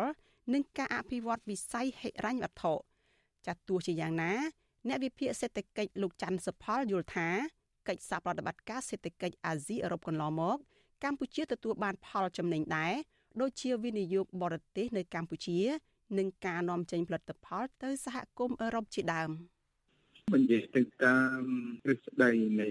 ការអភិវឌ្ឍសេដ្ឋកិច្ចគឺគេតោងតែចង់បានសហប្រតិបត្តិការពាណិជ្ជកម្មរវាងគ្នានឹងគ្នាការវិនិយោគឆ្លងប្រទេសអញ្ចឹងទៅអញ្ចឹងគេច្រើនតែសម្ដៅចង់ថាបានប្រយោជន៍រៀងៗខ្លួនចាត់ទោះយ៉ាងណាលោកមើលឃើញថាកម្ពុជាជាប្រទេសតូចដែលសហគមន៍អឺរ៉ុបមិនរំពឹងថាទទួលបានទីផ្សារធំនោះឡើយហើយសហភាពអឺរ៉ុបក៏បានកាត់បន្ថយប្រព័ន្ធអនុគ្រោះពន្ធ EBA 20%ពីកម្ពុជាដែរដូច្នេះលោកថាកម្ពុជាចាំបាច់ត្រូវតែគិតគូរឡើងវិញហើយក៏ត្រៀមខ្លួនបន្ថែមទៀតក្នុងបរិបទពិភពលោកថ្មីពិសេសនៅក្នុងកិច្ចសហប្រតិបត្តិការអាស៊ីអឺរ៉ុបដូចជាការកសាងហេដ្ឋារចនាសម្ព័ន្ធទំនប់បំរុងធម្មពលអគ្គិសនីឲ្យបានគ្រប់គ្រាន់មានគុណភាពល្អនិងតម្លៃធូរថ្លៃរៀបចំប្រព័ន្ធ Digital ឬក៏បច្ចេកវិទ្យាស្វ័យប្រវត្តិនោះឲ្យកាន់តែសម្បូរបែប ចាស់ជាពិសេសលោកបន្តថាកម្ពុជាត្រូវរក្សាការពារធនធានធម្មជាតិឲ្យល្អដើម្បីជាអំណោយផលដល់ការអភិវឌ្ឍប្រកបដោយចីរភាពបណ្ដុះបណ្ដាលធនធានមនុស្សឲ្យកាន់តែមានគុណភាពដើម្បីប្រកួតប្រជែងសេដ្ឋកិច្ចជាមួយប្រទេសផ្សេងផ្សេងព្រមទាំងរៀបចំឲ្យមានស្ថិរភាពសន្តិសុខសង្គមពិតប្រាកដដើម្បីឲ្យមានភាពកក់ក្ដៅនិងសុវត្ថិភាពខ្ពស់ចំពោះការវិនិយោគសេដ្ឋកិច្ចរបស់បរទេសនៅលើទឹកដីកម្ពុជាអាស៊ីសេរី ចាលោកអ្នកនាងកញ្ញាជាទីមេត្រីចាតតតនឹងការឆ្លងរាលដាលជំងឺ Covid-19 ចាក្រសួងសុខាភិបាលបន្តផ្តល់ព័ត៌មានថាអ្នកឆ្លងនិងអ្នកស្លាប់ដោយសារជំងឺនេះបានថយចុះជាលំដាប់ប៉ុន្តែចំនួនអ្នកកើតជំងឺ Covid-19 ដែលបានស្លាប់ទោះបីជាបានចាក់វ៉ាក់សាំងរួចហើយក្តីនោះក៏នៅតែមានចំនួនខ្ពស់គួរឲ្យកត់សម្គាល់ចាស់ក្នុងពេលជាមួយគ្នានេះអត្រាឆ្លងជំងឺនេះនៅលើពិភពលោកវិញក៏ចាប់ផ្ដើមកើនឡើងទ្វេដងនៅក្នុងខែនេះរហូតធ្វើឲ្យប្រទេសជាច្រើន ចាប់ផ្ដើមបិទគប់ប្រទេសឡើងវិញនិងកំណត់លក្ខខណ្ឌថ្មីថ្មីជាច្រើនដើម្បីទប់ស្កាត់ការឆ្លងរាលដាលកាន់តែខ្លាំងនៃជំងឺនេះចាជាបន្តទៅទៀតនេះចាអ្នករាយការណ៍ព័ត៌មានរបស់វិទ្យុអាស៊ីសេរីចាគឺលោកមួងណារ៉េតនឹងចូលខ្លួនមកផ្ដល់ព័ត៌មានជូនលោកនាងបន្ថែមចាតកតងទៅនឹងការឆ្លងរាលដាលជំងឺ Covid-19 នៅក្នុងស្ថានភាពថ្មីថ្មីនេះចាជំរាបសួរលោកមួងណារ៉េតចា បាទជំរាបសួរអ្នកស្រីសុជីវីហើយសូមជម្រាបសួរលោកនាងដែលកំពុងតាមដានស្ដាប់និងទស្សនាការផ្សាយរបស់វិទ្យុអាស៊ីសេរីទាំងអស់ជាទីមេត្រីបាទចាលោកមុនណារ៉េតយើងឃើញថាមាននិន្នាការនៃការឆ្លងរាលដាលជំងឺ Covid-19 ហ្នឹងគឺកើនឡើងតើកើនឡើងយ៉ាងម៉េចខ្លះទៅចាលោកបាទនិន្នាការនៃការកើនឡើងនេះមែនតើទៅគឺកើនឡើងនៃអត្រាអ្នកស្លាប់ដោយសារតែបានចាក់វ៉ាក់សាំងបើយើងជារួមទៅយើងឃើញ ចំនួនតួលេខហ្នឹងក្នុងរយៈពេល10ថ្ងៃចុងក្រោយដែលយើងសរុបហ្នឹងគឺមួយថ្ងៃ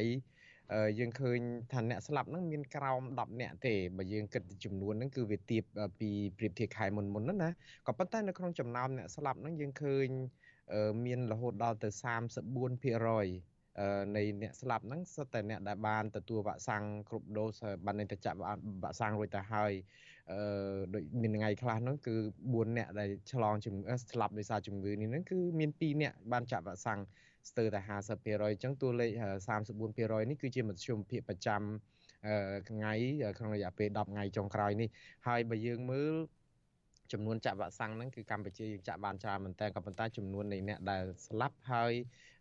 ទូបានវ៉ាក់សាំងហ្នឹងក៏នៅតែជាតួលេខខ្ពស់គួរឲ្យព្រួយបារម្ភដែរបាទ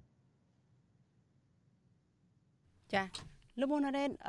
អញ្ចឹងមានន័យថាបើយើងនិយាយអំពីកម្ពុជាយើងនេះគឺចំនួនអ្នកដែលឆ្លងជំងឺ Covid-19 ហ្នឹងគឺมันមានការកើនឡើងអីគួរឲ្យកត់សម្គាល់ទេប៉ុន្តែគឺចំនួនអ្នកស្លាប់ហ្នឹងគឺតួលេខច្រើនគួរឲ្យកត់សម្គាល់ដោយដែលលោកលើកឡើងអញ្ចឹងចាចំពោះអឺ ស្ថានភាពនៅលើពិភពលោកវិញគឺផ្សេងពីនេះចាចំពោះអ្នកដែលឆ្លងថ្មីនៅកម្ពុជាដែលមើលឃើញថាមានការថយចុះហ្នឹងតើយ៉ាងម៉េចខ្លះវិញតកតនឹងតួលេខនៃអ្នកឆ្លងថ្មីហ្នឹងចាបាទការថយចុះតួលេខនៅប្រទេសកម្ពុជា គឺជាការថយចុះនៅក្នុងសេចក្តីរាយការណ៍របស់ក្រសួង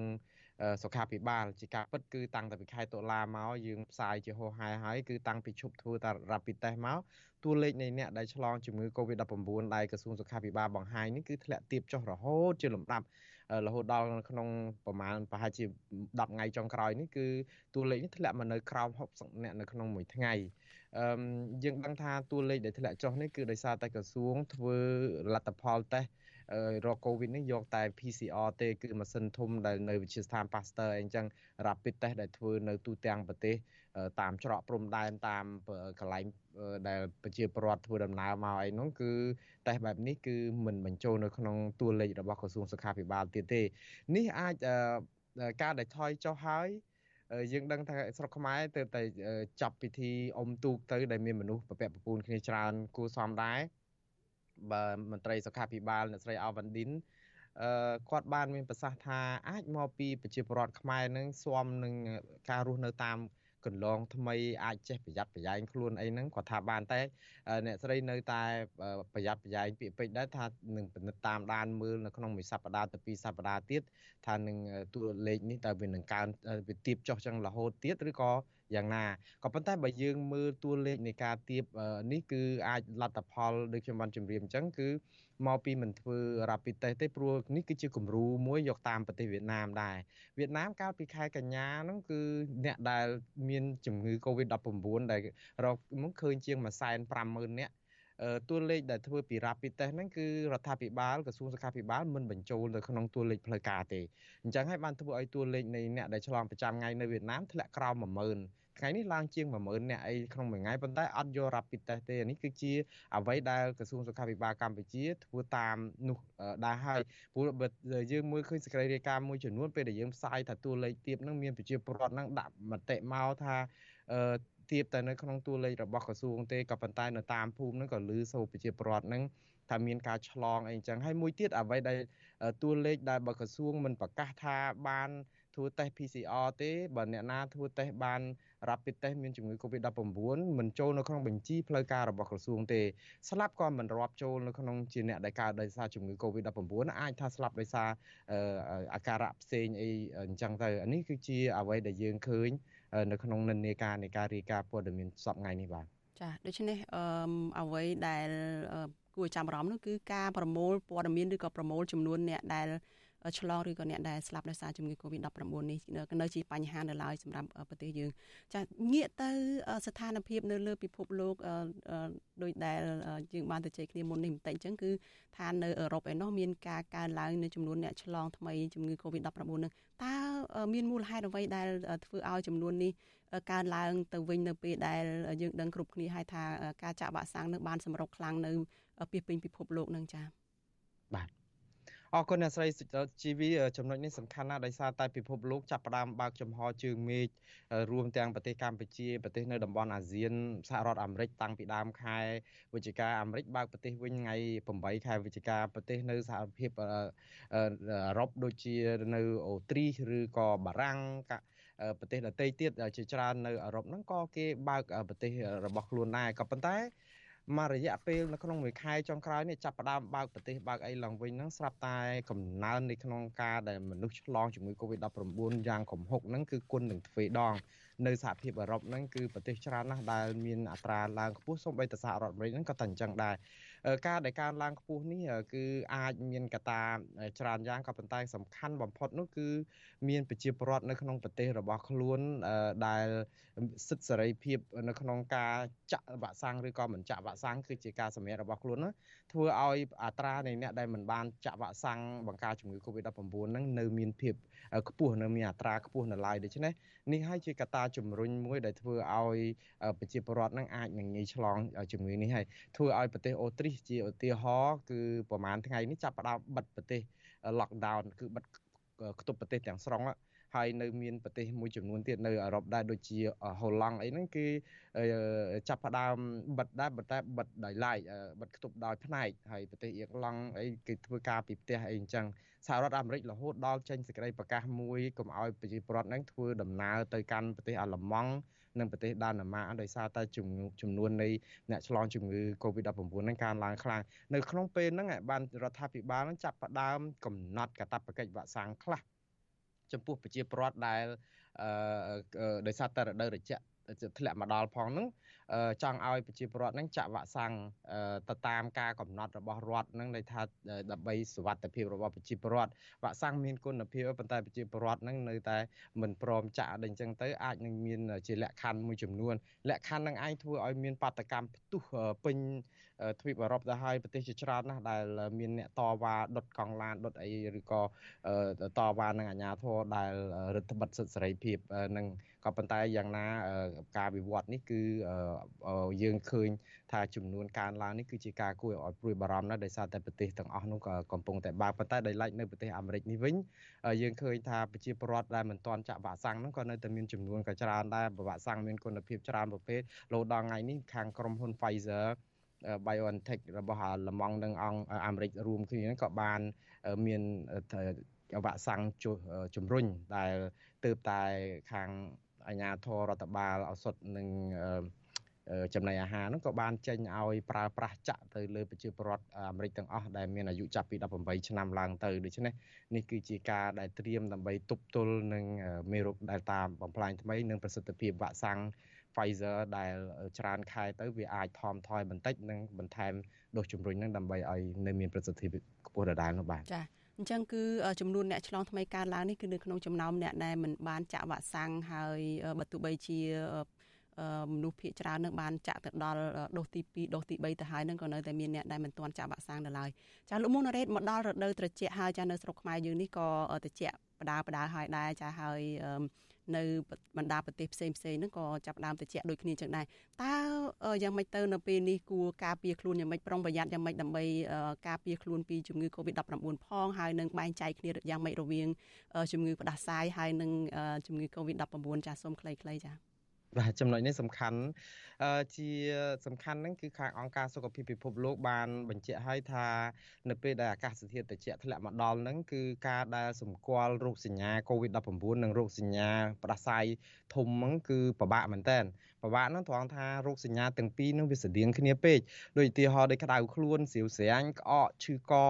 ឈឺក្បាលឈឺសាច់ដុំលហើយអីហ្នឹងគឺជារោគសញ្ញាដូចគ្នា COVID ក៏ដូចនឹងផ្ដាសាយធំដែរក៏ប៉ុន្តែខុសគ្នាកន្លែងសម្គាល់មួយដែលដឹងថា COVID ខុសពីផ្ដាសាយធំហ្នឹងគឺខាងអង្គការសុខភាពពិភពលោកថាមកពីការដែលបាត់ក្លិន លែងស្រង់ក្លិន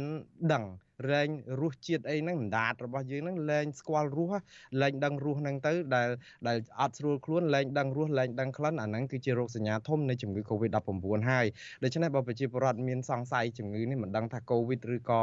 អីឬក៏ផ្ដាសាយធំហ្នឹងមានតែវិធីល្អបំផុតមួយគឺធ្វើ rapid test ទៅដឹងលទ្ធផល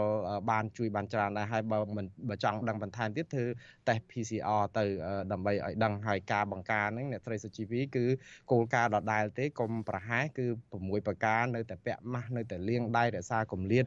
អឺដដែលទេជៀសវាងកន្លែងប្រមូលផ្ដុំគ្នាច្រើនទៅបើទោះបីជាឥឡូវនេះគឺគោលការណ៍នៃការពាក់ម៉ាស់ហ្នឹងនៅតែមានទលំទលាយដដែលទេមិនទាន់ជាការលើកបំរាមនឹងនៅឡើយទេបាទចាអរគុណច្រើនលោកមួងណារ៉េតចាដែលបានផ្ដល់ព័ត៌មានជូនលោកអ្នកនាងនៅយប់នេះចាសូមជម្រាបលាលោកត្រឹមប៉ុណ្ណេះចាអរគុណបាទសូមជម្រាបលាចាលោកអ្នកនាងជាទីមេត្រីតកតងនឹង ការចូលទៅកាន់តំណែងរបស់លោកឈៀមយៀបដែលជាប្រធានទី1រដ្ឋសភានៅថ្ងៃទី25ខែវិច្ឆិកានេះវិញចាស់សមាជិកគណៈកម្មគណៈអចិន្ត្រៃយ៍នៃគណៈបកប្រជាជនកម្ពុជាចាស់គឺលោកឈៀមយៀបនឹងត្រូវទៅកាន់តំណែងជាអនុប្រធានទី1នៃរដ្ឋសភានៅថ្ងៃទី25ស្អែកនេះជំនួសឲ្យសពលោកងួនញិលតំណាងរាជបកប្រឆាំងយល់ថាលោកឈៀមយៀបមិនអាចជួយរដ្ឋសភាឲ្យមានភាពល្អប្រសើរជាងពេលបច្ចុប្បន្ននេះទេខណៈដែលលោកធ្លាប់មានរឿងរ៉ាវអាស្រូវលេចធ្លោ នៅក្នុងការកឹបកេងលុយរដ្ឋសភា ការបញ្ជាឲ្យតែកងឡានបើករត់នៅក្រៅពេលដែលបង្កគ្រោះថ្នាក់ចរាចរណ៍បណ្ដាលឲ្យមនុស្សស្លាប់នោះចាសសូមស្ដាប់សេចក្តីរាយការណ៍របស់លោកជីវតាអំពីរឿងនេះលោកជាមជាបធ្វើជាតំណាងរាស្ត្រម្នាក់ដែលអាចរាប់បានថាជាមនុស្សធ្វើការយូរនៅក្នុងរដ្ឋសភា គឺជិត30ឆ្នាំហើយលោកឈរឈ្មោះជាតំណាងរាស្ត្រសម្រាប់មណ្ឌលខេត្តព្រៃវែងឲ្យគណៈបកប្រជាជនកម្ពុជា តាំងពីឆ្នាំ1993រហូតដល់បច្ចុប្បន្ន ក្នុងរយៈពេលជិត30ឆ្នាំមកនេះលោកក៏ទទួលបានការដំឡើងឋានៈនៅក្នុងផ្ទៃបកជាបន្តបន្ទាប់ដែរប៉ុន្តែទន្ទឹមនឹងថ្មីដៃការងារទាំងឡាយនឹងការបានតំណែងមន្ត្រីជាន់ខ្ពស់ក្នុងបកកាន់អំណាចនេះលោកក៏មានជាប់សង្ស័យពាក់ព័ន្ធរឿងអាស្រូវពុករលួយ ខាងកັບកេងលុយរដ្ឋយ៉ាងច្រើនមិនចាញ់មន្ត្រីធំធំរបស់បកកាន់អំណាចផ្សេងទៀតទេអតីតតំណាងរាស្ត្រជាប់ឆ្នោតនៃគណៈបកសង្គ្រោះជាតិលោកងឹមញែងអះអាងថា លោកជាមជាបមិនមែនជាមន្ត្រីល្អទេព្រោះលោកមិនសូវគិតគូរពីប្រយោជន៍ជាតិប៉ុន្មានទេ គឺលោកច្រើនតែរកវិធីកັບកេងលុយរដ្ឋសភា ការសុំក្រឡុំគ្នាដើម្បីឲ្យសិទ្ធិម៉ៅការសំណង់អគាររដ្ឋសភាធ្លាក់ក្នុងដៃក្រុមហ៊ុនលីឈួន ដែលម្ចាស់ក្រុមហ៊ុននេះត្រូវជាកូនប្រសាររបស់លោកនឹងការបញ្ជាឲ្យតៃកុងបើកឡានរត់ក្រោយបានបើកឡានបុកពលរដ្ឋស្លាប់ជាដើម។ គាត់កាន់ប្រធានគណៈកម្មការហិរញ្ញវត្ថុនៅរដ្ឋសភាយើងឃើញគឺល្បីម្សាក្នុងការកសាងអគាររដ្ឋសភាហ្នឹងគឺពុករលួយសុំកលុំគ្នាគេងប្រវាញ់ថាវិការសភាហ្នឹងដើម្បី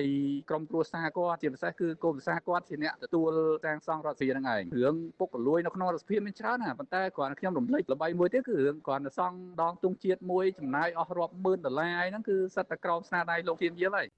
កាលពីឆ្នាំ2015 លោកជាមយៀបជាប្រធាននៃគណៈកម្មការសេដ្ឋកិច្ចហិរញ្ញវត្ថុធនាគារនិងសវនកម្មត្រូវបានតំណាងរាជគណៈបកសង្គ្រោះជាតិលោកសុនឆៃអះអាងថាលោកបានប្រព្រឹត្តអំពើពុករលួយនិងការចំណាយមិនប្រក្រតីដែលទំនងកັບកេងលុយរដ្ឋសភា ក្នុងមួយឆ្នាំប្រមាណជាង10លានដុល្លារអំពើពុករលួយនឹងការចំណាយមិនប្រក្រតីទាំងនោះមានដូចជាគម្រោងចំណាយមិនប្រក្រតីលើការទិញនិងការដំឡើងឧបករណ៍ការពាររន្ទះ តម្លៃដល់ទៅ12000ដុល្លារក្នុងមួយគ្រឿងការសាងសង់ខ្លោងទ្វាររដ្ឋសភាតម្លៃជាង50000ដុល្លារការសាងសង់សញ្ញាបារមីឬរូបសញ្ញារដ្ឋសភាដាក់មុខខ្លោងទ្វារតម្លៃ60000ដុល្លារដងទង់ជាតិមួយដើមតម្លៃ35000ដុល្លារម៉ាស៊ីនថតចម្លងតម្លៃ35000ដុល្លារក្នុងមួយគ្រឿងនិងការទិញរថយន្ត13គ្រឿងយកមកចែកឲ្យប្រធាន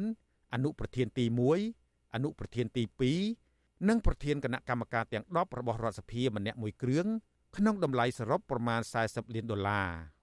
លោកសុនឆៃអះអាងថាលោករកឃើញទៀតថា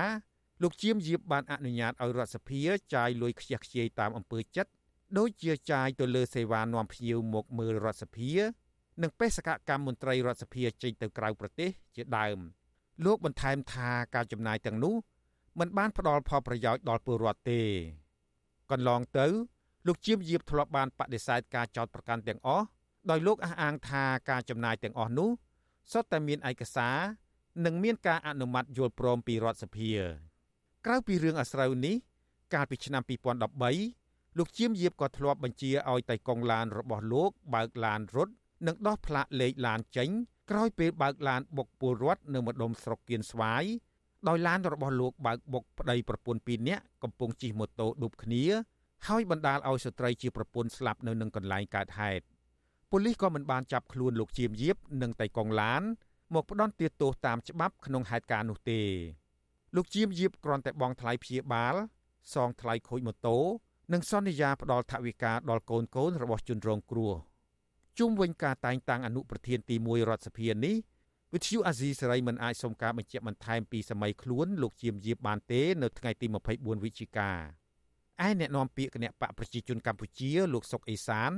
បង្វែរឲ្យសួរទៅអ្នកនាំពាក្យរដ្ឋសភាលោកលេងពេញឡុងលោកលេងពេញឡុងប្រាប់អាស៊ីសេរីថាខាងរដ្ឋសភា បានទទួលយកសំណើរបស់គណៈបកប្រជាជនកម្ពុជារួចហើយជុំវិញករណីស្នើសុំតែងតាំងលោកជាមយៀបជាអនុប្រធានរដ្ឋសភាទី1ជំនួសសពលោកងួនយលលោកអះអាងថាលោកជាមយៀបមានស្នាដៃច្រើន អាចជួយដល់កិច្ចការរដ្ឋសភាទោះជាយ៉ាងណា លោកលេងពេញឡុងមានប្រសាសន៍ថារឿងអាស្រូវរបស់លោកជាមជីបកន្លងទៅ លោកមិនដឹងទេ ឥឡូវខ្ញុំអត់មានដឹងអីតិចសោះទេរឿងបញ្ហាហ្នឹងឬស្នាដៃទៀតគឺថាលោកឃើញហើយគឺថាគាត់បានដឹកនាំគណៈអង្គការទី2ហ្នឹងទាំងការដឹកនាំម្នាក់ឯងគឺថាជាគណៈបកប្រជាជនម្នាក់ឯងទាំងការដឹកនាំជាមួយគណៈបកសង្គ្រោះជាតិកាលជំនាន់ហ្នឹងក៏មានដែរមានគណៈបកច្រើននៅជាមួយគាត់គឺគាត់ជាប្រធានរហូតអញ្ចឹងជាមួយលោកសុនឆៃជាមួយនឹងគណៈបកសង្គ្រោះជាតិដទៃទៀតគឺគាត់នៅប្រធានរហូតអញ្ចឹងការងារគាត់យើងឃើញតាមរយៈនៃការគាត់ធ្វើជាប្រធានគណៈការទី2ហ្នឹងបាទកើតឆ្នាំ1946នៅភូមិព្រែកចាម ឃុំបន្លិចប្រាសាទស្រុកពីមខេត្តព្រៃវែងលោកជាមយៀបគឺជាតំណាងរាស្ត្រមណ្ឌលព្រៃវែងរបស់គណៈបកប្រជាជនកម្ពុជា តាំងពីឆ្នាំ1993ដល់បច្ចុប្បន្នលោកជាមយៀបបានបញ្ចប់ការសិក្សានៅសាលាបណ្ឌិតសភាយោធាពោធិចិនតុងឆ្នាំ1973និងផ្នែកចិត្តវិទ្យាគរុកោសលនៅឆ្នាំ1989ចំពោះភាសាបរទេសវិញក្រៅពីភាសាបារាំងនិងភាសាអង់គ្លេសហើយនោះ លោកជាមយៀបក៏ចេះភាសាវៀតណាមដែរលោកជាមយៀបក៏ជាអតីតគ្រូបង្រៀនមុខវិជ្ជាភូមិវិទ្យា និងប្រវត្តិវិទ្យានៅអនុវិទ្យាល័យមួយនៅក្នុងខេត្តព្រៃវែងនៅឆ្នាំ1980រដ្ឋាភិបាលសម័យសាធារណរដ្ឋប្រជាមានិតកម្ពុជា បានតែងតាំងលោកជាអភិបាលខេត្តព្រៃវែងនិងក្រោយមកទៀតលោកត្រូវបានតែងតាំងជាអនុរដ្ឋមន្ត្រីទីស្តីការគណៈរដ្ឋមន្ត្រី អនុរដ្ឋមន្ត្រីក្រសួងទេសចរដែលមានបុព្វសិទ្ធិនិងឋានៈស្មើនឹងរដ្ឋមន្ត្រី នៅក្នុងជួរបកវិញលោកជាមយៀបគឺជាសមាជិកគណៈអចិន្ត្រៃយ៍របស់គណៈបកប្រជាជនកម្ពុជា ដែលជាឋានៈខ្ពស់បំផុតរបស់ក្រុមមេដឹកនាំគណៈបកកាន់អំណាចលោកជាមយៀបមានកូន5នាក់ក្នុងនោះមានម្នាក់ជាអភិបាលខេត្តត្បូងឃ្មុំ គឺលោកជាមច័ន្ទសុភ័ណ្ឌនិងមានកូនប្រសាម្នាក់គឺជារដ្ឋលេខាធិការក្រសួងយុតិធធគឺលោកកឹមសន្តិភាព និងកូនប្រសាម្នាក់ទៀតដែលជាប្រធានក្រុមហ៊ុនលីឈួន ដែលតែងតែទទួលបានសិទ្ធិម៉ៅការសំណង់ស្ទើរគ្រប់អគាររដ្ឋរួមទាំងអគាររដ្ឋសភាផងអ្នកឃ្លាំមើលដំណើរការបោះឆ្នោតនិងកិច្ចការរបស់អ្នកតំណាងរាស្ត្រវិញមិនជំទាស់នឹងការតែងតាំងបេក្ខភាពណាមួយជាអនុប្រធានទី1រដ្ឋសភាទេ តែទោះជាយ៉ាងណា អ្នកសម្របសម្រួលនឹងអង្កេតនៃអង្គការ Confrel លោកកនសវាងជឿថា លោកជាមយៀបនឹងមិនអាចធ្វើឲ្យមានការផ្លាស់ប្ដូរឲ្យល្អប្រសើរអ្វីធំដុំទេបើទោះជាត្រូវឡើងតំណែងជាអនុប្រធានទី1រដ្ឋសភាក៏ដោយលោកយល់ថាការរើសតំណាងរាស្ត្រឲ្យកាន់តំណែងជាក្បាលម៉ាស៊ីនក្នុងនីតិបញ្ញត្តិគឺជារឿងសំខាន់គួរជាអ្នកតំណាងរាស្ត្រដែលមានប្រវត្តិការងារល្អនិងមានស្នាដៃតាក់ទាញបេះដូងប្រជាពលរដ្ឋលោកបន្តថាបើពុំដូច្នោះទេនឹងអាចប៉ះពាល់ដល់ប្រជាប្រិយភាពគណៈបកនយោបាយនោះជាមិនខាន។ វាអាចធ្វើឲ្យមានការលើកឡើងរបស់ប្រជាប្រដ្ឋដែរឧទាហរណ៍ថាមានតំណាងរាស្ត្រណាមួយគាត់រំលោភអំណាចគាត់ក៏ជីកគាត់គាត់ទៅយកដីអីគេចឹងឧទាហរណ៍ណាបាទអញ្ចឹងអាកេឈួននឹងហើយដែលវាសុសសាយដល់សាធារណជនហើយបើកើតមានការនិយាយដែលធ្វើឲ្យកិត្តិយសរបស់គាត់នឹងរបស់គណៈបកនយោបាយដែលដាក់បេក្ខជននឹងគាត់អាចនឹងពិចារណាឬក៏បើមិនពិចារណាគណៈរៀបចំទេគាត់អាចខាត់បងឯតែប៉ុណ្្នឹងបាទបន្ថែមពីនេះក្រុមអ្នកឃ្លាំមើលចង់ឲ្យរដ្ឋាភិបាលនិងរដ្ឋសភារកយន្តការជំរុញឲ្យមានគណៈបកប្រឆាំង ឬមន្ត្រីចម្រុះនៅក្នុងរដ្ឋសភាទើបអាចជួយឃ្លាំមើលនិងផ្ដល់យោបល់ពីបញ្ហាមិនប្រក្រតីក្នុងការដឹកនាំរបស់រដ្ឋាភិបាលនិងរដ្ឋសភាខ្ញុំជីវិតាអាស៊ីសេរី ចាលោកនាងជាទីមេត្រីលោកអ្នកកំពុងតាមដានការផ្សាយរបស់វិទ្យុអាស៊ីសេរីចាប់ផ្សាយចេញប្រធានាធិបតី Washington សហរដ្ឋអាមេរិកប្រជាសហគមន៍ការពារព្រៃឈើនៅខេត្តកំពង់ធំថាពួកគេអស់សង្ឃឹមលើសមត្ថភាពការពារព្រៃឈើរបស់រដ្ឋបាលព្រៃឈើនិងសមត្ថកិច្ចអាជ្ញាធរនៅក្នុងខេត្តនេះចាសសូមស្ដាប់សេចក្តីរាយការណ៍នេះរបស់លោកមានរិទ្ធពជាសហគមន៍ការពារព្រៃឈើរស់នៅឃុំដងកំបិតស្រុកសណ្ដានមើលឃើញថាមន្ត្រីរដ្ឋបាលព្រៃឈើនិងអាជ្ញាធរពាក់ព័ន្ធនៅខេត្តកំពង់ធំ មានចំណុចខ្សោយជាច្រើននៅក្នុងការការពារនិងការបង្ក្រាបបទល្មើសព្រៃឈើពួកគេសង្កេតឃើញថាព្រៃសហគមន៍ក្បាលអូធ្នងត្រូវជន់ល្មើសលួចកាប់ឈើមានតម្លៃនិងទន្ទ្រានព្រៃយកដីអស់ជាង1000ហិកតានៅរយៈពេល10ឆ្នាំចុងក្រោយនេះដោយពុំឃើញមានសមត្ថកិច្ចចោះស្រាវជ្រាវនិងស៊ើបអង្កេតរោគមុខជន់ល្មើសណាម្នាក់ដើម្បីបញ្ជូនសំណុំរឿងទៅតុលាការនៅឡើយទេ ប្រធានសហគមន៍ព្រៃឈើក្បាលអូធ្នងលោកបុតបានប្រាប់វិសុយស៊ីស្រីនៅថ្ងៃទី24ខែវិច្ឆិកាថាអ្នកមានលុយមានអំណាចនិងពលរដ្ឋមូលដ្ឋានមួយចំនួន បានលបកាប់ទន្ទ្រានព្រៃឈើអស់ជាច្រើនហិកតាធ្វើឲ្យព្រៃធម្មជាតិមួយនេះកាន់តែរួមតូចទៅរួមតូចទៅពីមួយឆ្នាំទៅមួយឆ្នាំ លើសពីនេះទៀតលោកថាឈើមានតម្លៃនៅក្នុងព្រៃសហគមន៍នេះត្រូវគេកាប់អស់ស្ទើរតែទាំងស្រុងហើយបច្ចុប្បន្នចលនាកាប់ព្រៃទន្ទ្រានយកដីធ្វើជាកម្មសិទ្ធិខុសច្បាប់ក៏កំពុងតែកើតមានឡើងយ៉ាងពេញទំហឹងលោកបញ្ជាក់ថាថ្មីថ្មីនេះពួកលោកប្រទះឃើញក្រុមឈ្មួញលួចកាប់ទន្ទ្រានព្រៃនៅចំណុចក្បាលអូស្រែក្រសាំងអស់ជាង10ហិកតាពុំឃើញមន្ត្រីជំនាញចុះស៊ើបអង្កេតរោគជនល្មើសនៅឡើយទេ នៅវាចង់និយាយថាកាប់ឆ្លោះឆ្លោះពេញមួយជាពលរដ្ឋខ្លះផងអីផងហើយណាដែលមានអំណាចឲ្យកាប់ធំធំដែលខ្ញុំរៀបការពីថ្ងៃមុននោះគឺគាត់កាប់ធំធំជាងគេចង់ថា10ហាត់អីជាងណាកាប់មួយកន្លែងមួយកន្លែងផ្សេងផ្សេងទៅផងហើយប្រធានសហគមន៍រូបនេះជឿជាក់ថាប្រិយសហគមន៍នេះនឹងវិនិច្ឆ័យហិនហោចនៅរយៈពេលដ៏ខ្លីខាងមុខនេះប៉ះសិនបើមន្ត្រីជំនាញនិងអាជ្ញាធរពាក់ព័ន្ធនៅតែមិនអើពើចាប់ជនល្មើសយកមកផ្ដន់ទាទោសតាមច្បាប់ដោយសពថ្ងៃនេះ រីឯជនល្មើសនៅតែបន្តសកម្មភាពកាប់ទន្ទ្រានព្រៃជារបរអាជីពដោយមិនខ្លាចច្បាប់នោះទេវិសុវស៊ីស្រីមិនអាចតាក់ទងសុំការបំភ្លឺរឿងនេះពីអភិបាលស្រុកសណ្ដានលោកលងគីសឹងនិងអភិបាលខេត្តកំពង់ធំ លោកងួនរតនៈបាននៅឡើយទេនៅថ្ងៃទី24ខែវិច្ឆិកាដោយទូរស័ព្ទហៅចូលតែគ្មានអ្នកលើកចំណែកឯអ្នកនាំពាក្យក្រសួងកសិកម្មលោកស្រីវុធីក៏មិនអាចតាក់ទងបានដែរនៅថ្ងៃដដែលនេះ